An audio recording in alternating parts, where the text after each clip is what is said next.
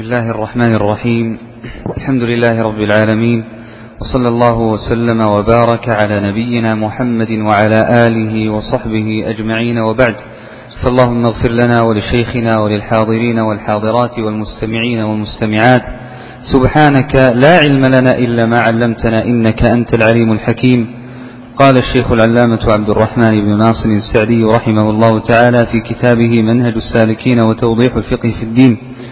كتاب الحج والأصل فيه قوله تعالى ولله على الناس حج البيت من استطاع إليه سبيلا والاستطاعة أعظم شروطه وهي ملك الزاد والراحلة بعد ضرورات الإنسان وحوائجه الأصلية ومن الاستطاعة أن يكون للمرأة محرم إذا احتاجت لسفر.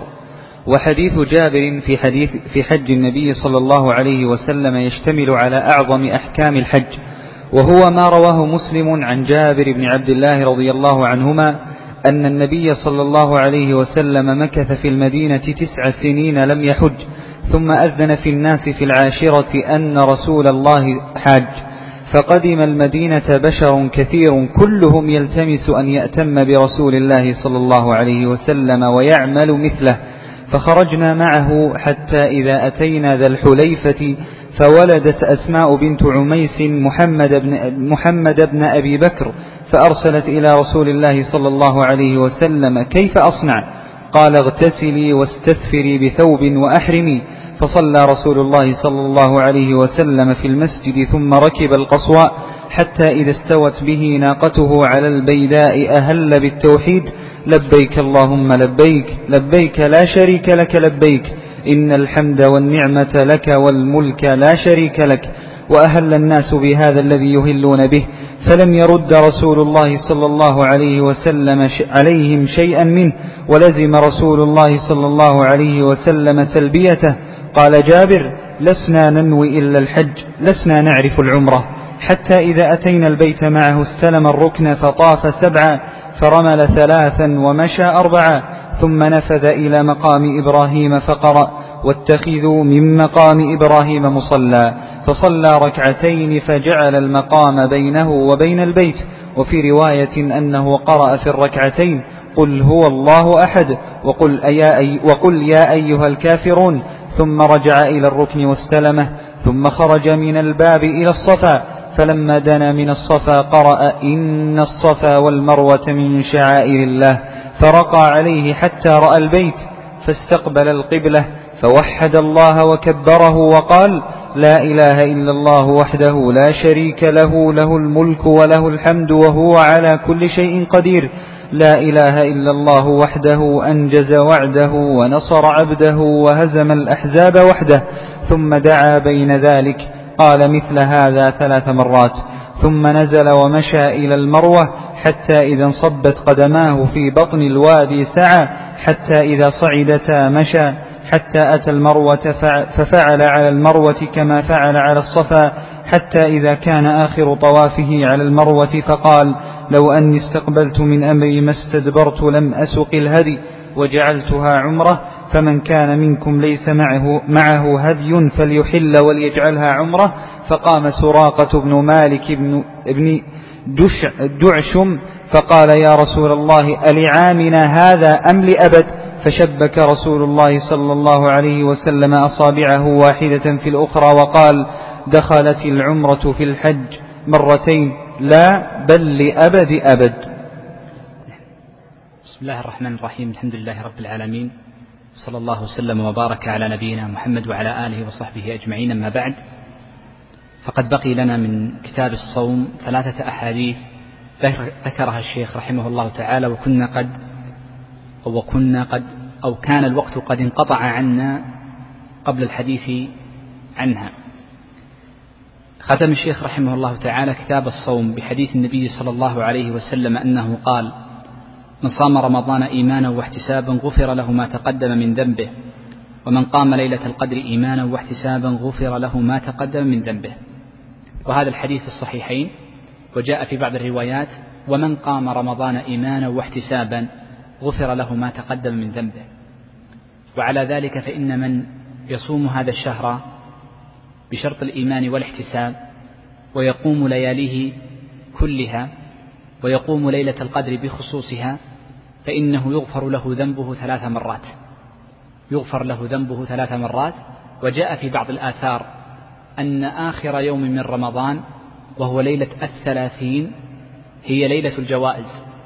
وفيها العتق من النيران فربما تكون هي هي المغفرة الرابعة التي يعتق فيها للعبد.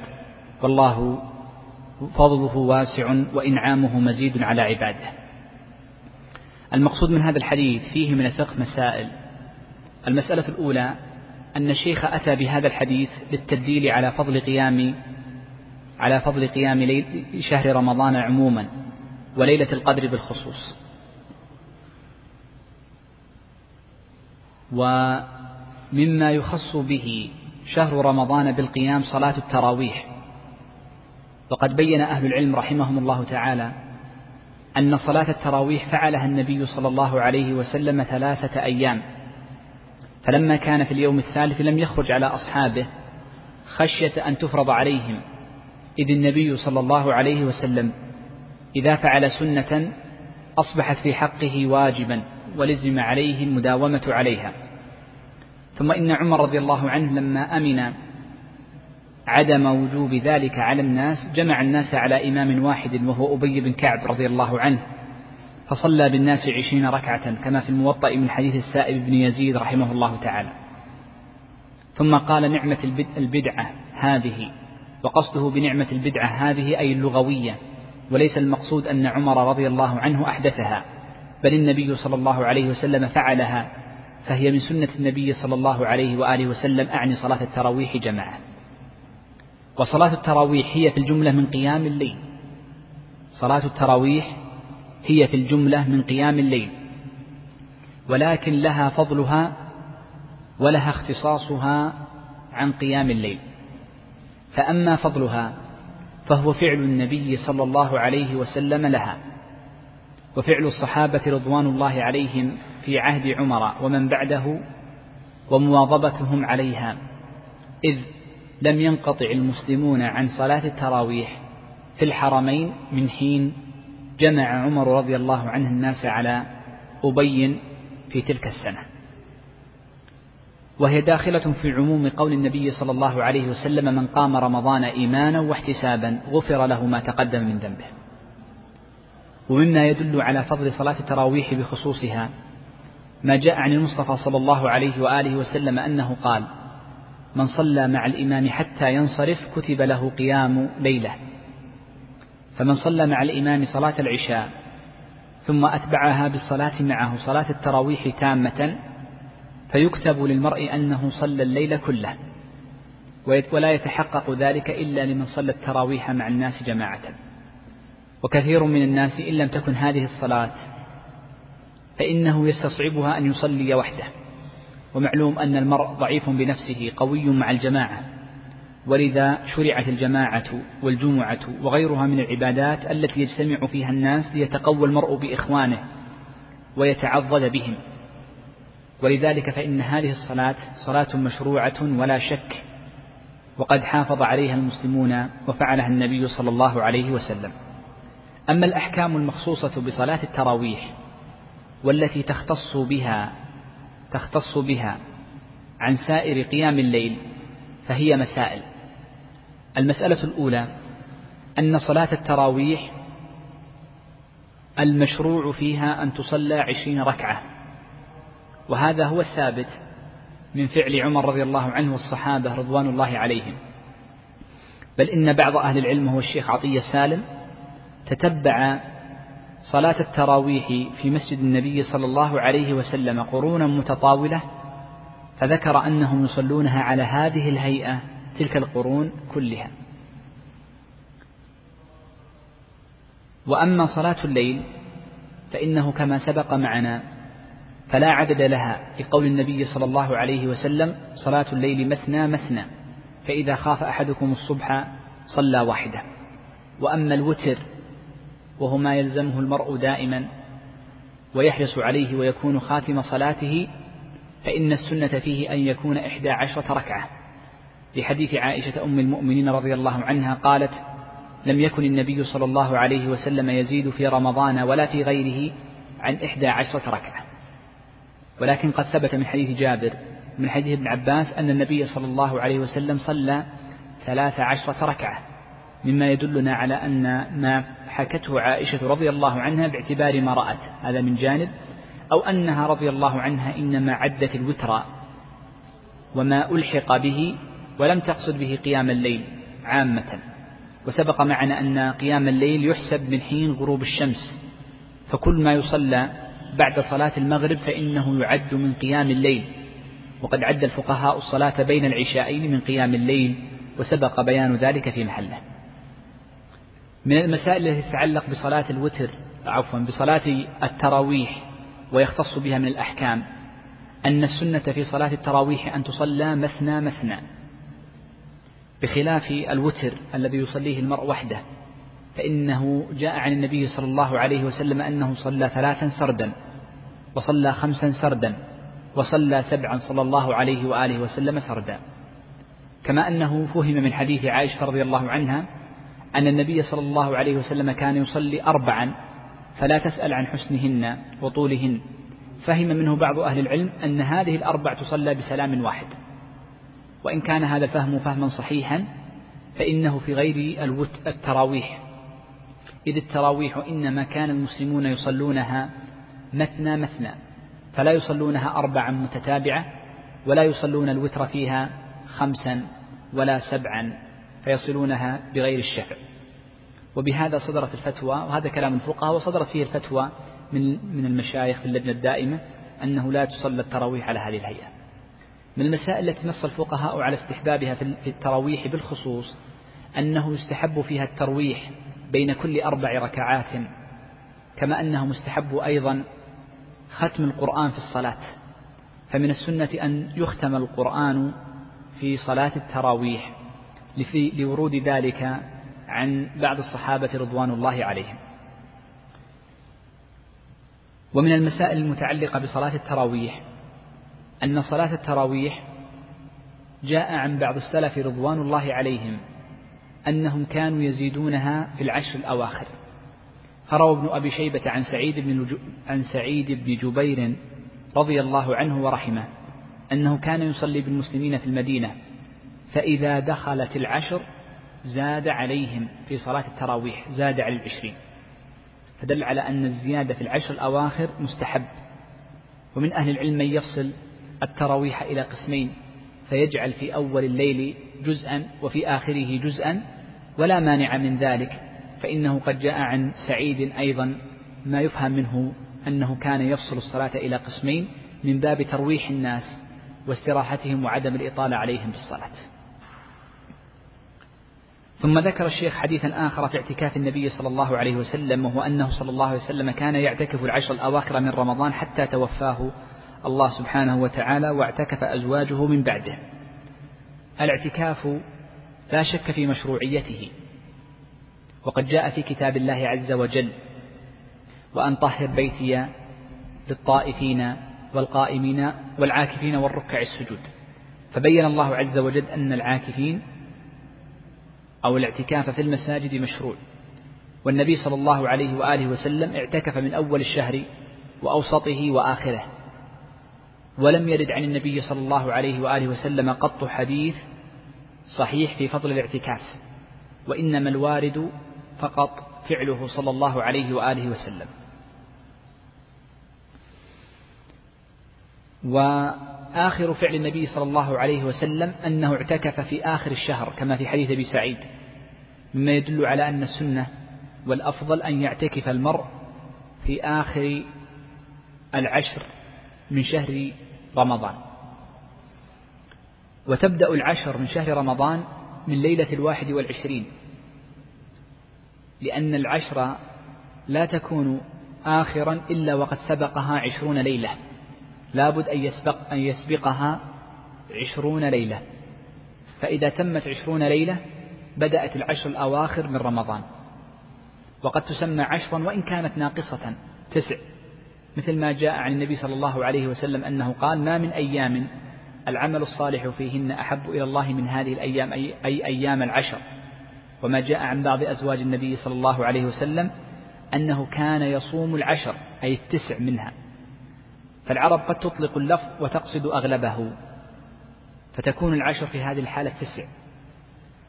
وقال بعض أهل العلم إن السنة في الاعتكاف أن يكون من ليلة العشرين وليس من ليلة الواحد والعشرين لأنه إن كان في الشهر نقص فيكون المرء قد اعتكف عشر ليال.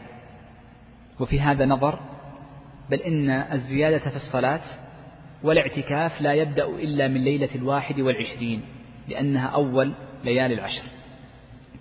ثم ذكر الشيخ بعد ذلك حديث لا تشد الرحال إلا إلى ثلاثة مساجد المسجد الحرام ومسجد هذا والمسجد الأقصى.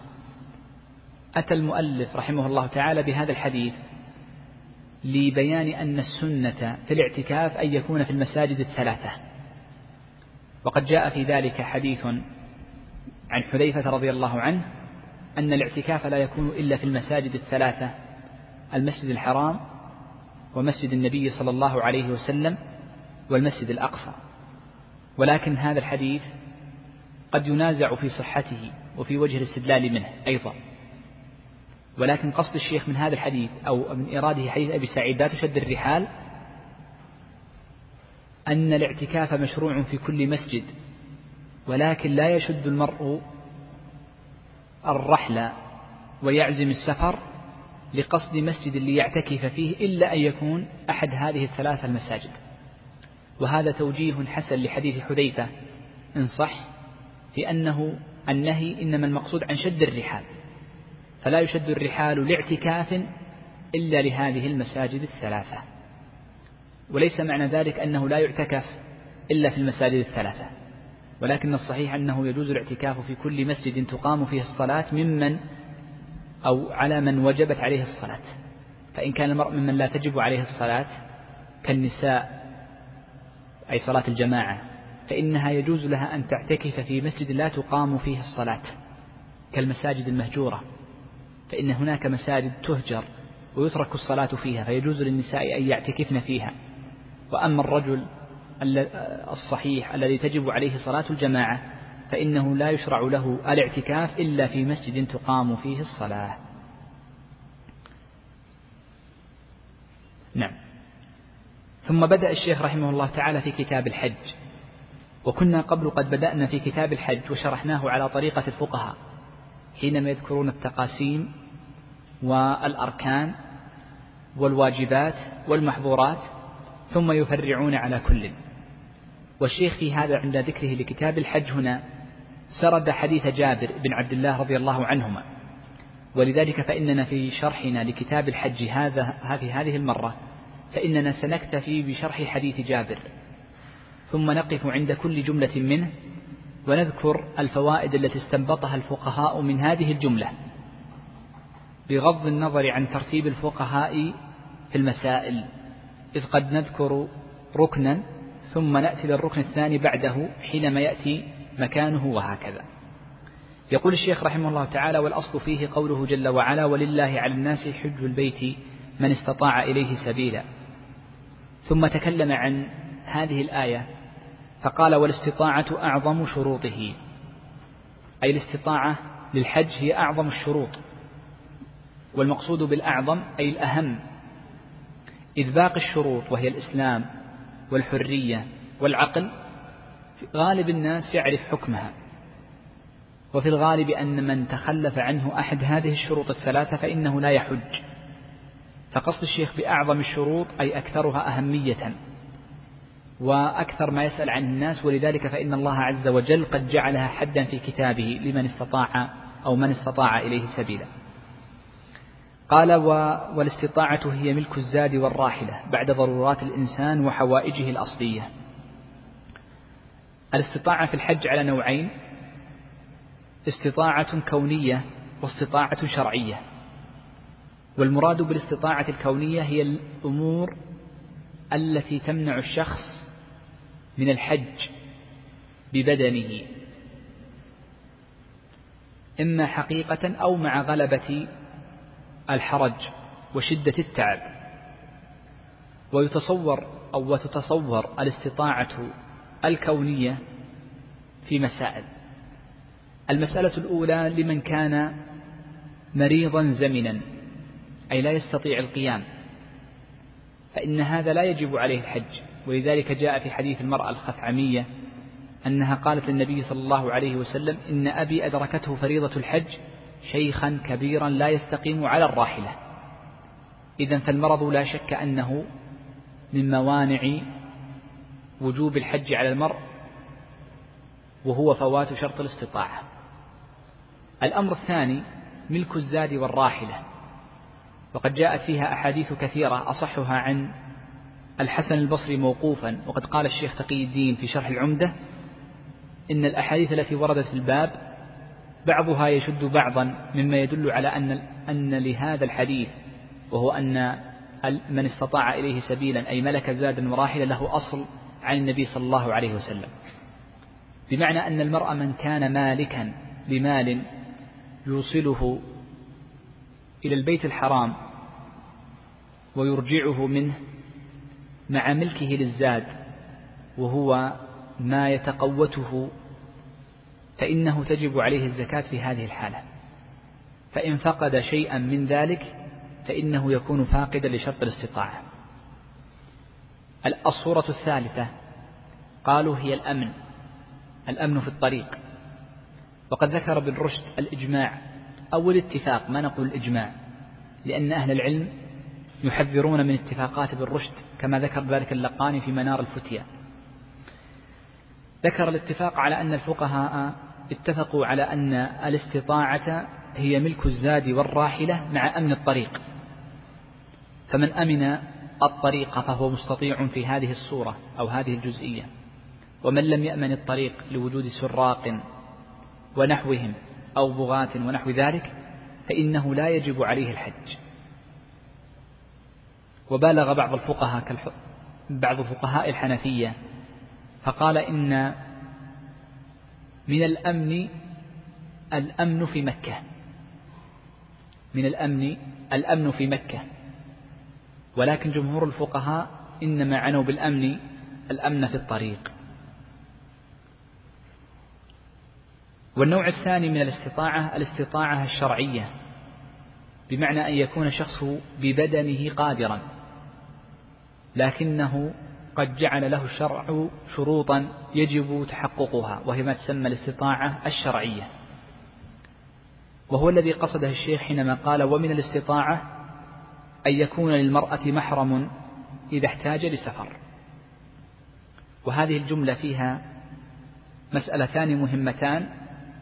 المسألة الأولى أن من الاستطاعة أن من الاستطاعة وجود المحرم للمرأة. ودليل ذلك أن النبي صلى الله عليه وآله وسلم قال لا يحل لامرأة تؤمن بالله واليوم الآخر أن تسافر إلا مع ذي محرم. وجاء النبي رجل للنبي صلى الله عليه وسلم فقال إني قد اكتتبت في غزوة كذا وكذا وإن امرأتي قد خرجت حاجة. فقال ارجع فحج مع امرأتك ولو لم تكن المحرمية شرطا. في الحج لما أمر النبي صلى الله عليه وسلم هذا الرجل الذي اكتتب في غزوة أن يعود من الغزو والجهاد ليحج مع امرأته. ولذلك فإن الصحيح أنه لا بد للمرأة من محرم ولو كانت مع رفقة من نسوة ثقات فلا بد مع المحرم لعموم حديث النبي صلى الله عليه وسلم. فإن لم تجد محرما فإنه قد سقط عنها وجوب الحج. سقط عنها وجوب الحج. والمراد بالمحرم هو من كان بالغا ممن يحرم على المرأة النكاح به لأجل النسب أو الرضاع.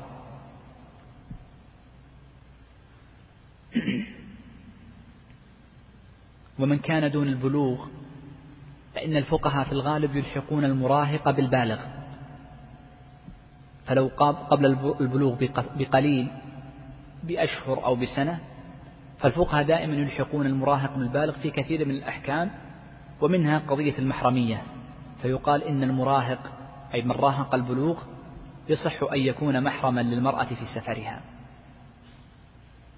المسألة الثانية قول الشيخ رحمه الله تعالى إذا احتاج لسفر وهذه المسألة فيها فقه. لأن الفقهاء وسأسأل في هذه الجملة لأن الفقهاء يذكرون السفر شرطا في الحج مطلقا. يذكرون السفر شرطا في الحج مطلقا. وقليل منهم من يقيده بهذا القيد بأنها إذا احتاجت إلى سفر فإنها تكون يجب عليها المحرم. وإن لم تحتج إلى سفر فإنه لا يلزمها أن يكون لها محرم. لنبدأ في تصور الفقه في هذه الجملة. من جهة أولا من المرأة التي لا تحتاج إلى سفر؟ سم شيخ. المكية لا تحتاج إلى سفر أو ليست مكية ولكنها بينها وبين المشاعر مسافة دون مسافة دون القصر. أقل من يوم اللي هي 80 كيلو طيب.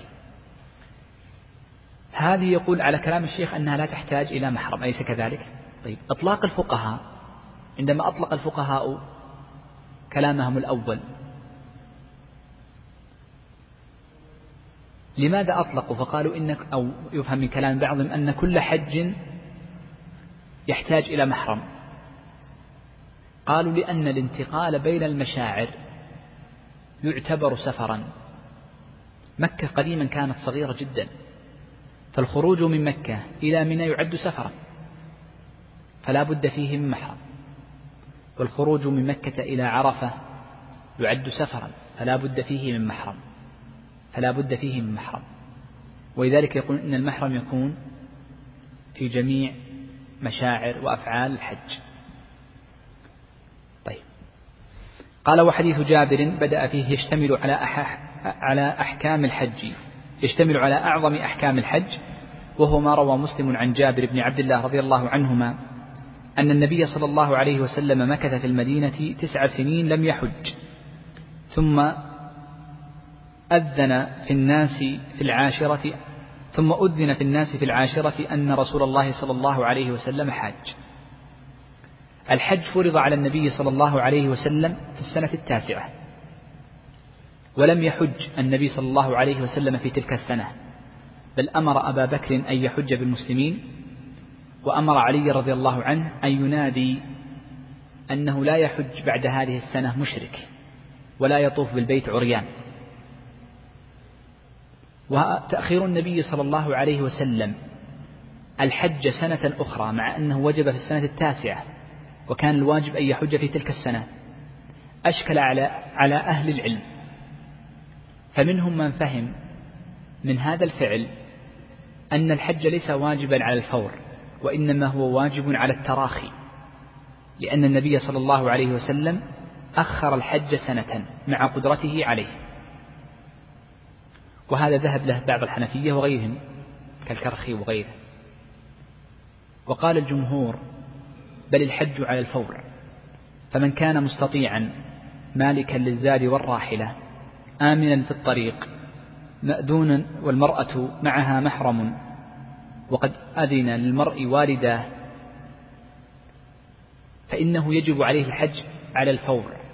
ولذا فإن عمر رضي الله عنه كما عند سعيد بن منصور قال لقد هممت أن أكتب إلى الأمصار ليكتبوا لي من لم يحج لأضرب عليهم الجزية ما هم بمسلمين ما هم بمسلمين. فالتأخر في الحج لا شك أنه أمر ممنوع شرعا. ولكنهم وجهوا تأخير النبي صلى الله عليه وسلم بتوجيهات كثيرة. ولعل أقربها ما ذكره ابن القيم رحمه الله تعالى أنه لما فرض على النبي صلى الله عليه وسلم الحج في السنة التاسعة كان الناس قد نسأوا في الأشهر إذ الله عز وجل بين أن النسيء زيادة في الكفر إنما النسيء زيادة في الكفر. وصفة النسيء أنه كان رجل أو رجلان من العرب فقط. إذا أراد الناس حربا في شهر من الأشهر الحرم أخر الشهر المحرم. فينسأه أي يؤخره فيجعل الشهر المحرم في شهر صفر.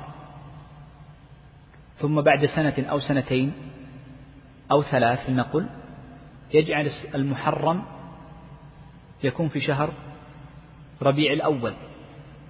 فكان الذي ينسى قليل يعني معدودون في العرب ولذلك فإنه قد أشكل على الناس عمومهم اختلاف الأيام.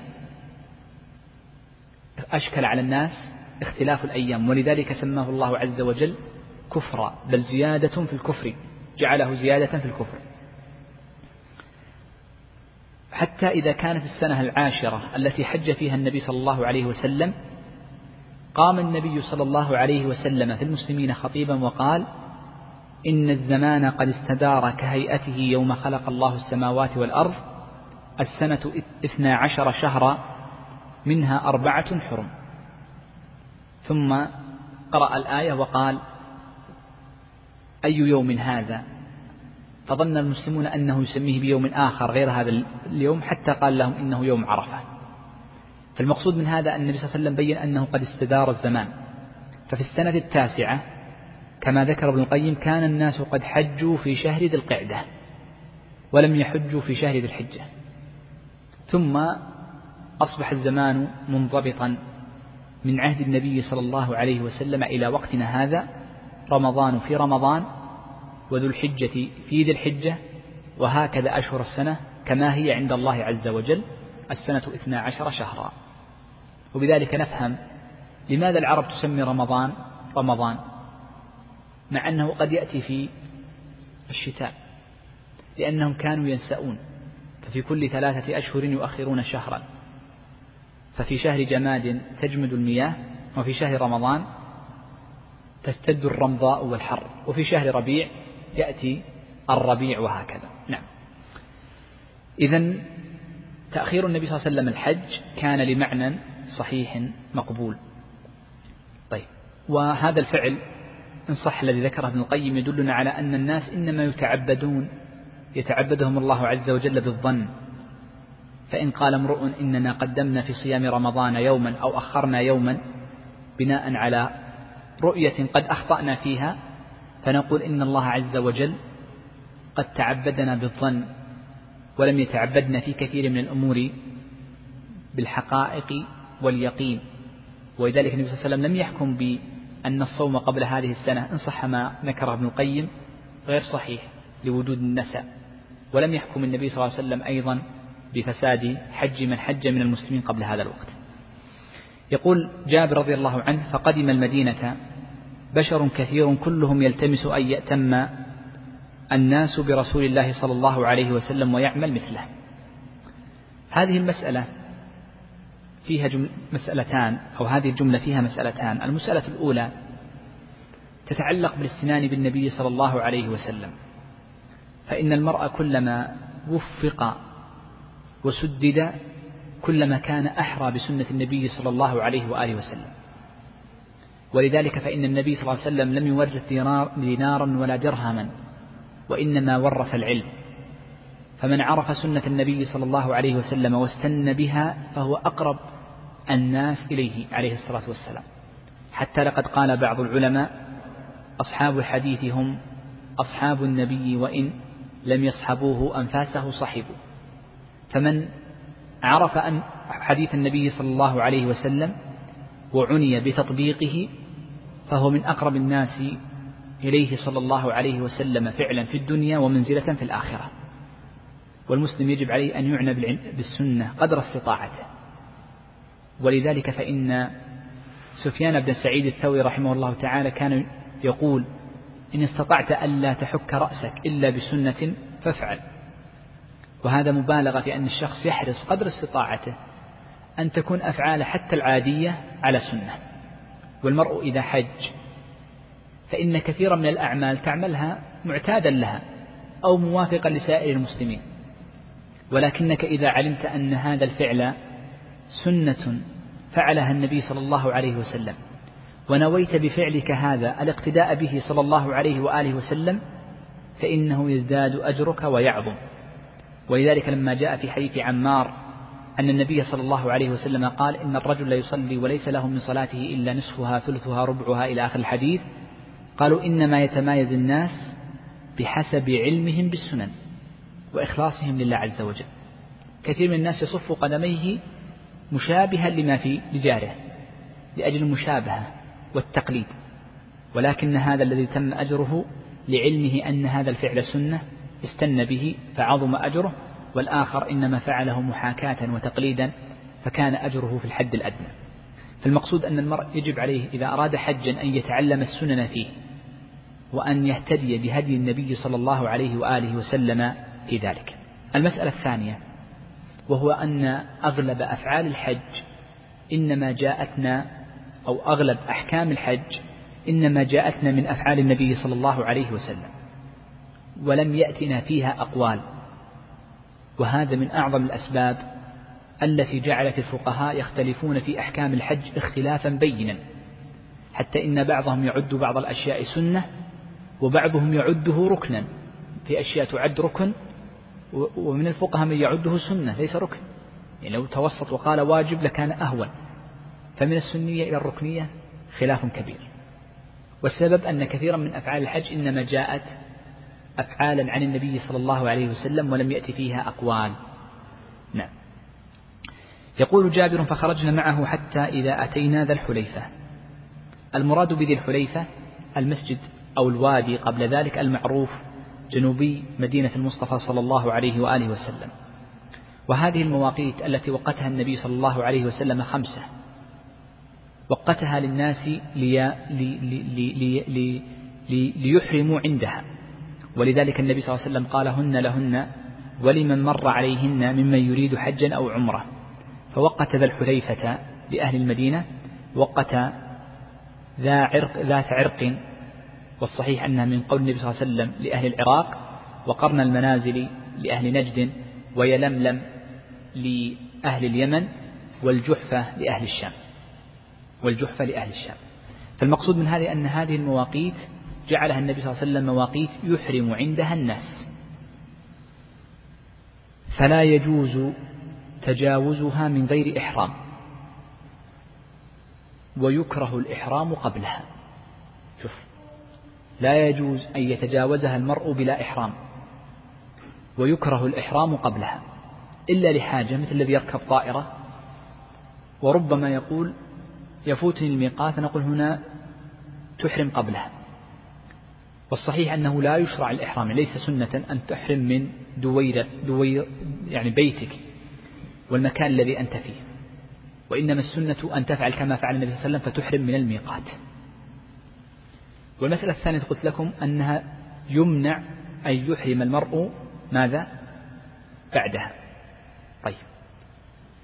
الأصل في أنه يحرم أن يحرم المرء بعدها حديث النبي صلى الله عليه وسلم هن لهن ولمن مر عليهن ممن يريد حجا أو عمرة. من جاوز الميقات قاصدا مكة فإن له ثلاث حالات. الحالة الأولى أن يكون مجاوزا للميقات وقد نوى النية الكبرى وهي نية الدخول في النسك. وقد نوى النية الكبرى وهي نية الدخول في النسك. ففي هذه الحالة يكون قد ترك واجبا من واجبات الحج وهو الإحرام من الميقات.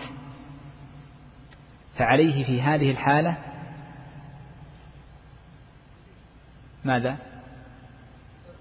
دم. أعد, أعيد لك الصورة. جاوز الميقات وهو محرم. وهو محرم. داخل في النسك. النية الكبرى نوى في نيته أنه محرم. لكنه لم يلبس لبسة الإحرام. فهنا نقول لم يترك الواجب. وهو الإحرام من الميقات لأنه أحرم عندهم ولكنه فعل محظورا من المحظورات. فعل محظورا من المحظورات. فعليه في هذه الحالة ماذا؟ فدية إما صيام ثلاثة أيام أو إطعام ستة مساكين أو أن يذبح شاة. هذه الحالة الأولى. الحالة الثانية أن يتجاوز الميقات وهو ناو للنية الصغرى وليست النية الكبرى. والمراد بالنية الصغرى أن يعزم على العمرة أو الحج ولكنه لم يتلبس بالإحرام. إذا النية الصغرى المراد بها العزم على الإحرام العزم على الإحرام. فنقول هنا إن هذا الرجل إذا أراد الدخول في النسك وهو الإحرام النية الكبرى للإحرام فيجب عليه أن يرجع للميقات.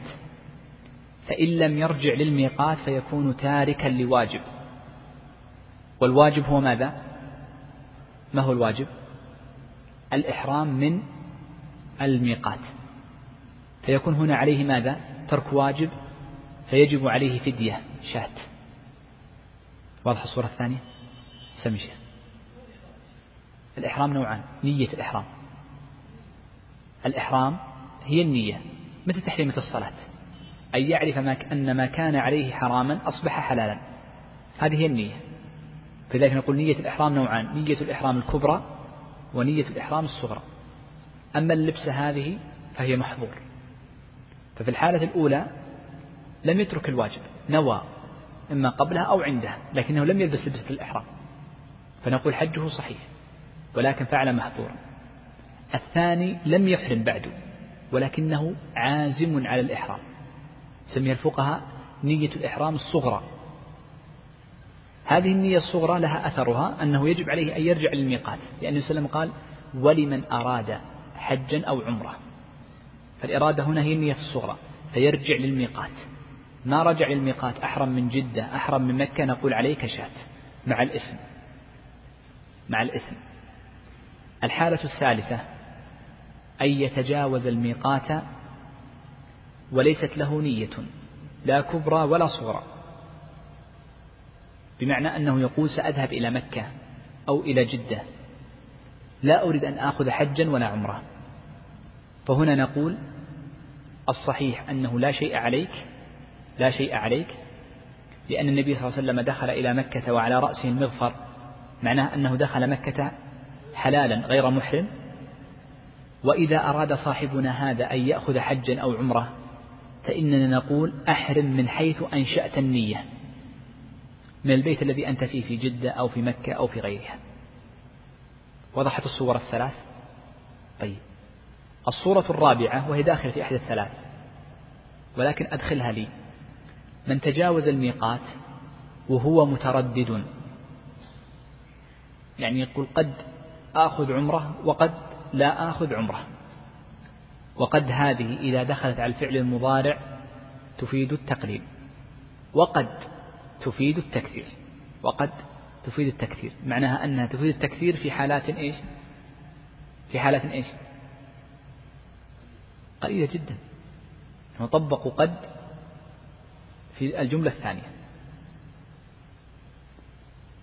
فنقول لماذا هذا صاحب المتردد ماذا نقول له؟ أنت من النوع الأول؟ لا طبعا. من النوع الثاني أم الثالث؟ هل أنت عازم أم لست عازما؟ لماذا الثالث؟ لأنه متردد والمتردد كمن لا نية له أحسنت. فالمتردد نقول لا شيء عليك وإن أحرمت دون الميقات فتحرم من دون من مكان حيث أنشأت ولا دم عليك. ما يلزمه. على الصحيح اختيار الشيخ وهو عليه الفتوى نعم. الأول أو الأول ما أسمناه طبعا عليه الاسم لا شك إذا كان متعمدا لكن إن لم يكن متعمدا كأن لم يجد لبسة للإحرام. كفارة.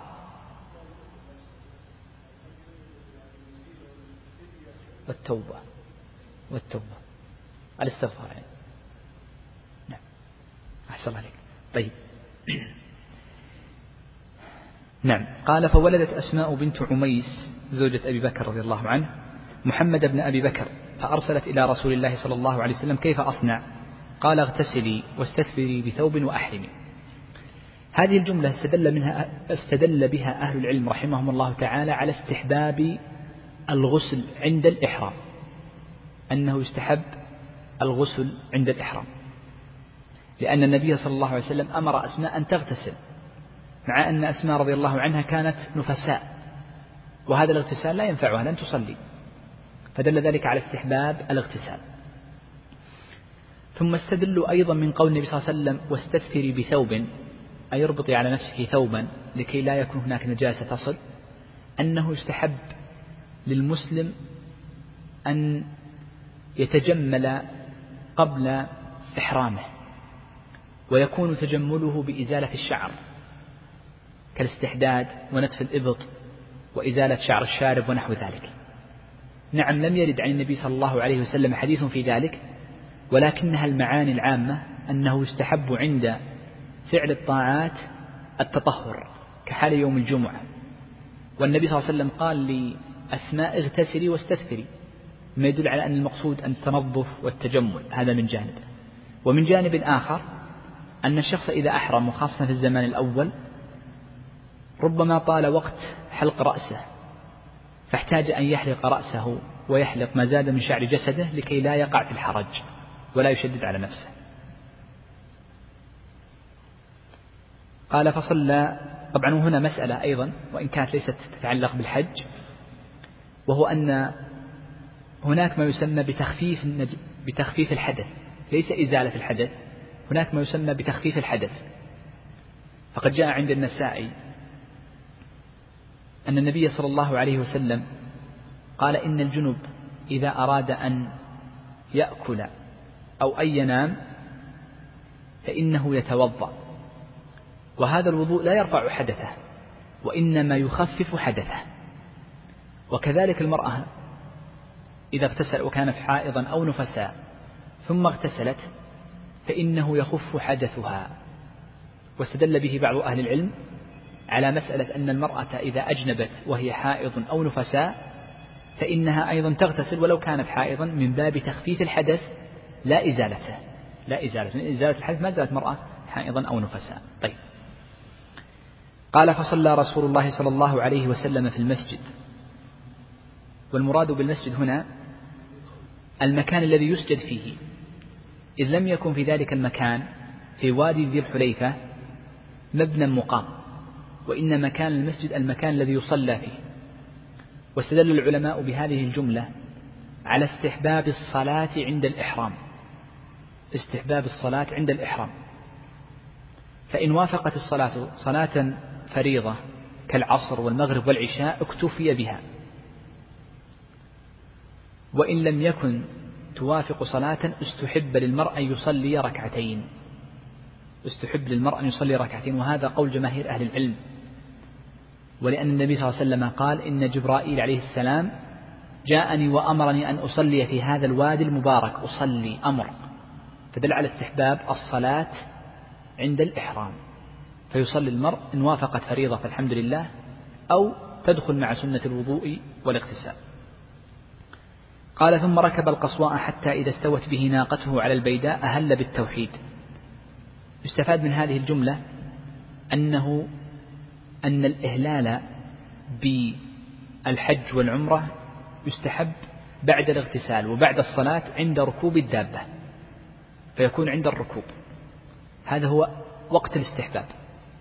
ويجوز قبل ذلك عند الميقات ويكره قبل الميقات. يكره الإهلال بالحج وهو نية الدخول بالنسك قبل الميقات. وعند الميقات هو السنة وكمال السنة أن يكون بعد الاغتسال وبعد الصلاة عند ركوب الدابة.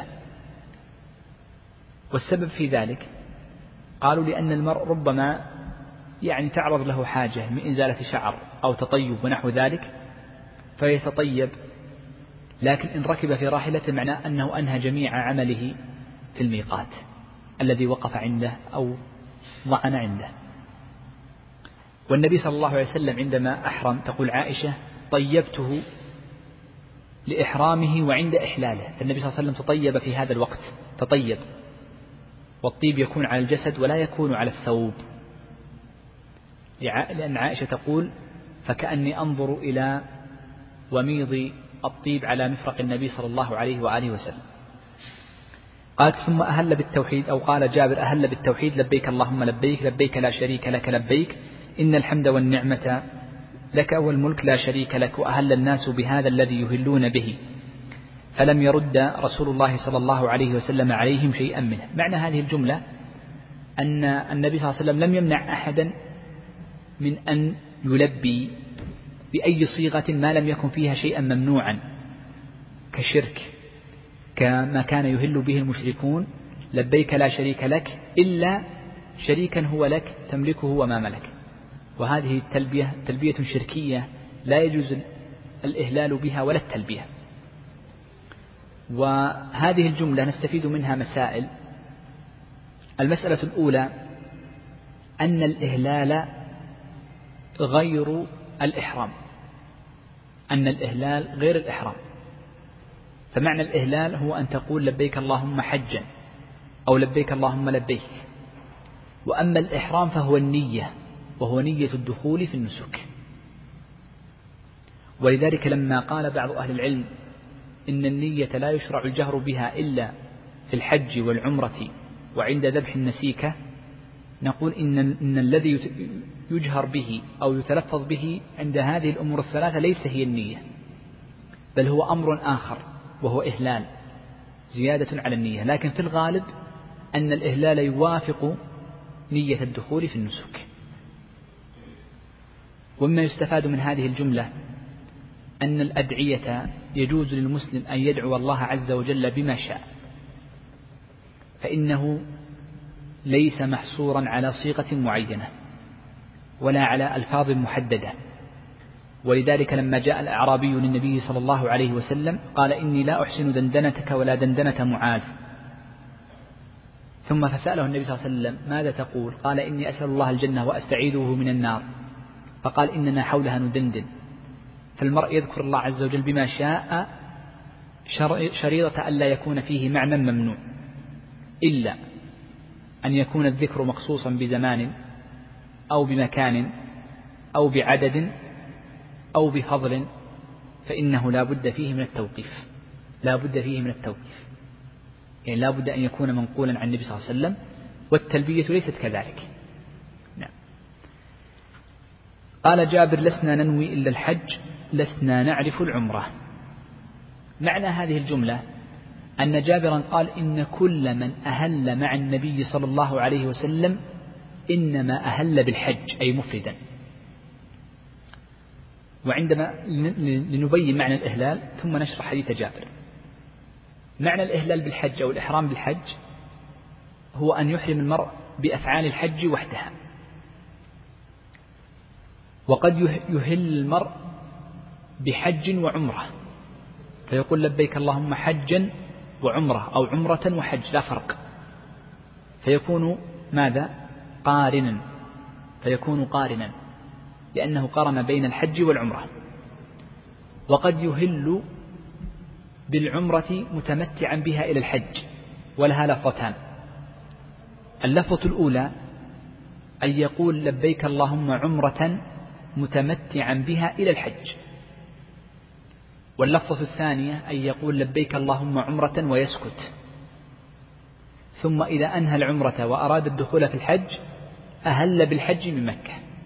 فيهل عند الميقات فقط بالعمرة ولا يذكر الحج مطلقا. فهنا جابر رضي الله عنه أنكر أن أحدا من الصحابة لم يعلم لم يفعل الإهلال متمتعا ولا قارنا. لا متمتعا ولا قارن وإنما كلهم أهل بالحج. بالحج وحده. طيب. قال حتى إذا أتينا البيت معه استلم الركن. وهذه ما يتعلق بالطواف فإن النبي صلى الله عليه وسلم بدأ طوافه باستلام الركن والمراد بالركن هنا أي الركن الذي فيه الحجر الأسود وهما الركنان اليمانيان هذا الركن الذي من جهة الباب. والمراد باستلام الركن وضع اليد عليه وليس المقصود مسحه فإن المسح على هيئة التبرك غير مقصود وإنما وضع اليد فقط. ثم إذا رفع المرء يده تمسح تبعا لكن ليس المقصود التبرك بذات الحجر. ومن الاستلام تقبيله فإن النبي صلى الله عليه وسلم قبله وجاء من حديث عمر رضي الله عنه أنه حكى أن النبي صلى الله عليه وسلم فعل ذلك. قال ثم طاف سبعا والمراد بالطواف سبعا أي حول الكعبة بادئا بالحجر ومنتهيا به. وذكرنا في كتاب الحج أيضا في المنتهى أحكام الطواف والسنة المتعلقة به لكن نحن نكتفي بذكر المفهوم من أو الفوائد من حيث جابر. قال فرمل ثلاثا ومشى أربعا والمراد بالرمل سرعة المشي مع تقارب الخطى إذ سرعة المشي من غير تقارب الخطى يسمى هرولة وتقارب الخطى من غير سرعة لا يسمى رملا.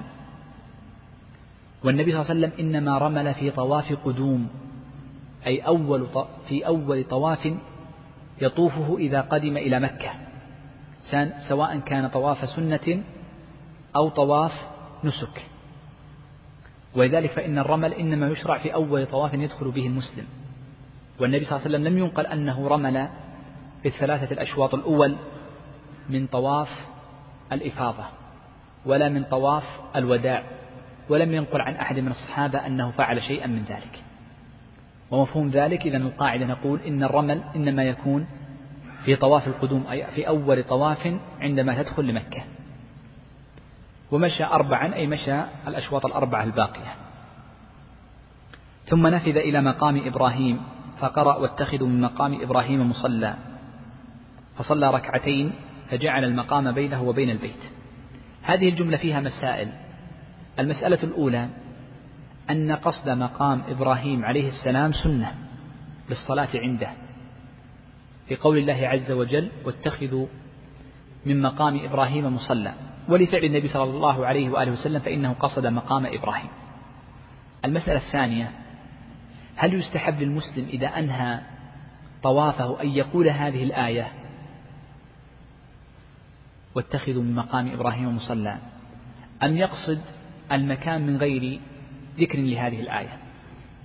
الظاهر أن السنة أنه يقول هذه الآية لأن الفقهاء قالوا عند رقي الصفا والمروة أنه يقول عندها الآية إن الصفا والمروة من شعائر الله فمن حج البيت أو اعتمر فلا جناح عليه أن يطوف بهما.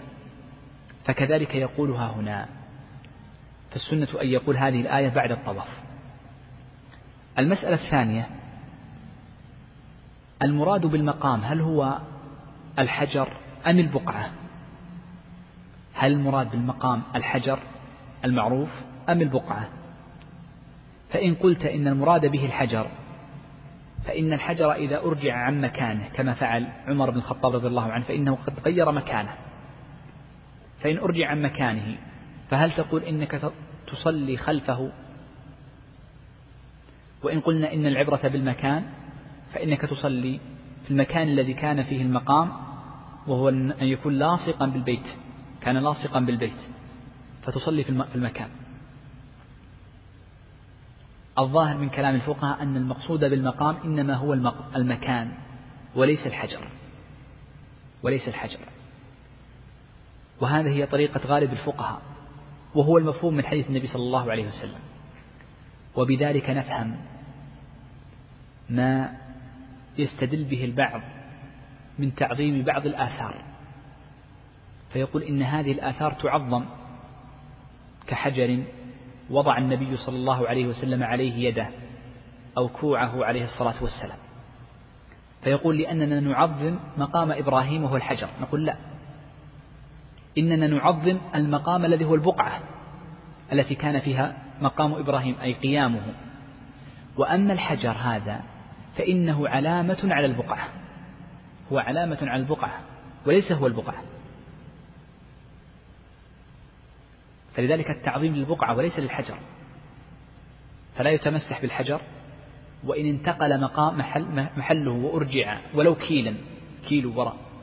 فإنك تصلي في البقعة ولا تصلي خلف الحجر بعد كيل. لأن عمر رضي الله عنه أرجعه عن مكانه فإنه كان مقام إبراهيم لاصقا بالكعبة ثم أرجعه. ولبعض أهل العلم كالشيخ عبد الرحمن المعلم رسالة في جواز نقل المقام عن مكانه. الشيخ عبد الرحمن المعلم اليماني وكان من علماء مكة في القرن الماضي له رسالة في ذلك. نعم. من المسائل أيضا في هذه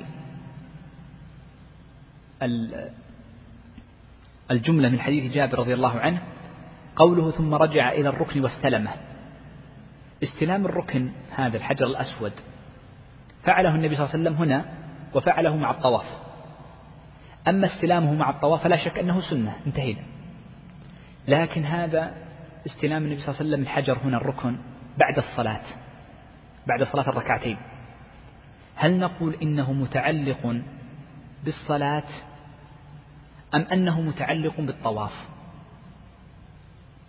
هل هو متعلق بالصلاة أم أنه متعلق بالطواف؟ فمن قال إنه متعلق بالطواف فإننا نقول إن الاستلام يكون بعد ركعتي الطواف فقط.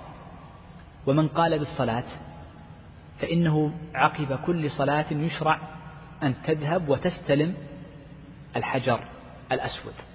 ولذلك ترى كثيرا من الناس من حين تنقضي الصلاة المفروضة يقوم ويستلم الحجر استلاما. هذا يقبل متى إذا قلنا؟ إن فعل النبي صلى الله عليه وسلم هنا الاستلام كان لأجل الصلاة وليس لأجل ركعتي الطواف بخصوصها.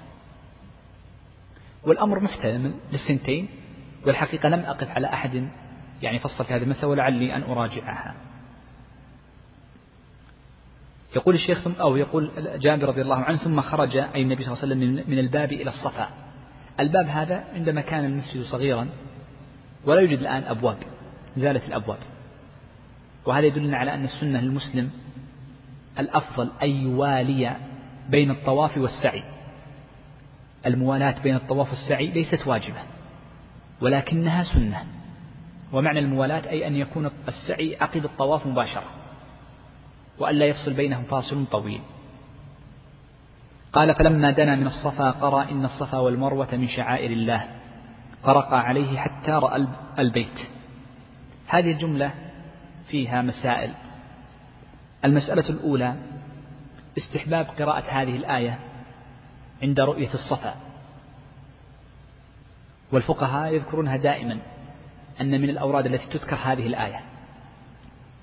والأمر الثاني أن الفقهاء يقولون إن المرء يقرأ هذه الآية إذا شرع في الصعود مع أن هذا الحديث ظاهره أنه قرأها متى؟ عندما دنا وراء الكعب وراء الصفا فكيف نوجه ذلك؟ فنقول إنه لما دنا أي شرع في الصعود لأن الصفا كان جبلا منبسطا. فلما بدأ في الصعود قرأها وهذا يحمل عليه حديث جابر رضي الله عنه أي شرع في الصعود وذكروا أنه قد جاء في بعض الآثار ذلك. فدنا أي شرع في الصعود ولم يصعد إلى نهايته. وفي هذه الجملة أنه يستحب صعود الجبلين الصفا والمروة وليس وليس واجبا وإنما هو سنة. وإنما الواجب وإنما الواجب استيعاب ما بين الجبلين. ما بين الجبلين هو الواجب. وأما صعود الجبل فليس بواجب. حتى قال الفقهاء إن الواجب أن يلصق كعبه بالصفا ثم يذهب.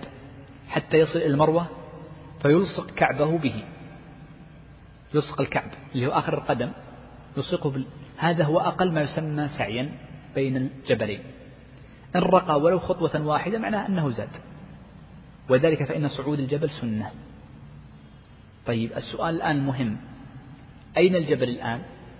الجبل الآن غطي بهذا البلاط والرخام وغيره. فنقول إن عندما تكلم الفقهاء عن الصفا عدوا درجاته. وقالوا إن درجاته اثنا عشرة درجة والمروة أن إن الصفا ست عشرة درجة والمروة اثنا عشرة درجة. وعلى ذلك فإن الواجب إنما هو الشروع في أول ما يسمى بالمزلقان التي هي نقول الدحديرة مثلا الدحديرة مثلا. أن تشرع في أوله إلى أن يأتيك الشبك حق العربيات وهم قد احتاطوا لهم زادوها في الجبل قليلا. وما بعده سنة وليس بواجب. ما بعده سنة وليس بواجب. فهذا الصعود ترقى أوله ثم يجوز لك أن تعود بعد ذلك. تعود بعد ذلك. قال فاستقبل القبلة. النبي صلى الله عليه وسلم فوحد الله وكبره. وحده بأن قال لا إله إلا الله وحده لا شريك له. له الملك وله الحمد وهو على كل شيء قدير. لا إله إلا الله وحده أنجز وعده ونصر عبده وهزم الأحزاب وحده. وكبره أي كبر الله فقال الله أكبر. ولم يثبت أن النبي صلى الله عليه وسلم بسمل فقال بسم الله لم يثبت. وإنما كبر عليه الصلاة والسلام وهلل ووحد الله عز وجل. ثم دعا بين ذلك. قال مثل ذلك مثل هذا ثلاث مرات يعني قال الدعاء التهليل هذا ثلاث مرات. وهذا الموضع من المواضع التي يستحب فيها الدعاء ورفع اليدين عند الصفا والمروة عند ابتداء الأشواط فقط دون انتهائها. وأما انتهاء الأشواط وهو نهاية المروة فإنه لا يدعى عندها. فيدعو المرء ويطيل الدعاء متجها إلى القبلة مادا يديه إلى السماء لله عز وجل. قال ثم نزل ومشى. نختم. ثم نزل ومشى إلى المروة. فالسنة إنما هو المشي إلا ما بين العلمين فإن السنة فيه الرمل. حتى إذا انصبت قدماه في بطن الوادي سعى وهو المكان الذي رمل فيه النبي صلى الله عليه وسلم. حتى إذا صعدتا مشى. حتى إذا أتى المروة ففعل على المروة كما فعل على الصفا من حيث التكبير وقصد القبلة والتهليل والدعاء وإطالة الدعاء فيه وذكر إن الصفا والمروة. فقوله كما فعل على الصفا يعني كل ما فعله النبي صلى الله عليه وسلم مما سبق وهي الأمور الخمسة التي ذكرت لكم كلها يشرع تكرارها على المروة ثم الصفا بعد ذلك. حتى إذا كان آخر طوافه على المروة قال لو أني استقبلت من أمري ما استدبرت لم أسق الهدي وجعلتها عمرة. طيب نقف هنا لكي نتحدث إن شاء الله في الدرس القادم عن كيف نفرق بين الأنساك الثلاثة ونتكلم عن توجيه. كيف كان حج النبي صلى الله عليه وسلم بأي الأنساك؟ وما الذي فعلته عائشة من هذه المسائل الدقيقة التي تحتاج إلى فهم؟ نقف عند هذا. أسأل الله عز وجل الجميع التوفيق والسداد. طبعا الأسبوع القادم لا يوجد درس لأنها إجازة. نبدأ في الأسبوع إن شاء الله بعد القادم. نكمل الدرس مشيئة الله عز وجل. وسنسير في حديث جابر على السرعة كهيئتنا اليوم لكي ننهي إن شاء الله في درس أو درسين وننتقل نعود لطريقتنا الأخرى وهي طريقة الفقهاء إن شاء الله في الكتاب الذي بعده.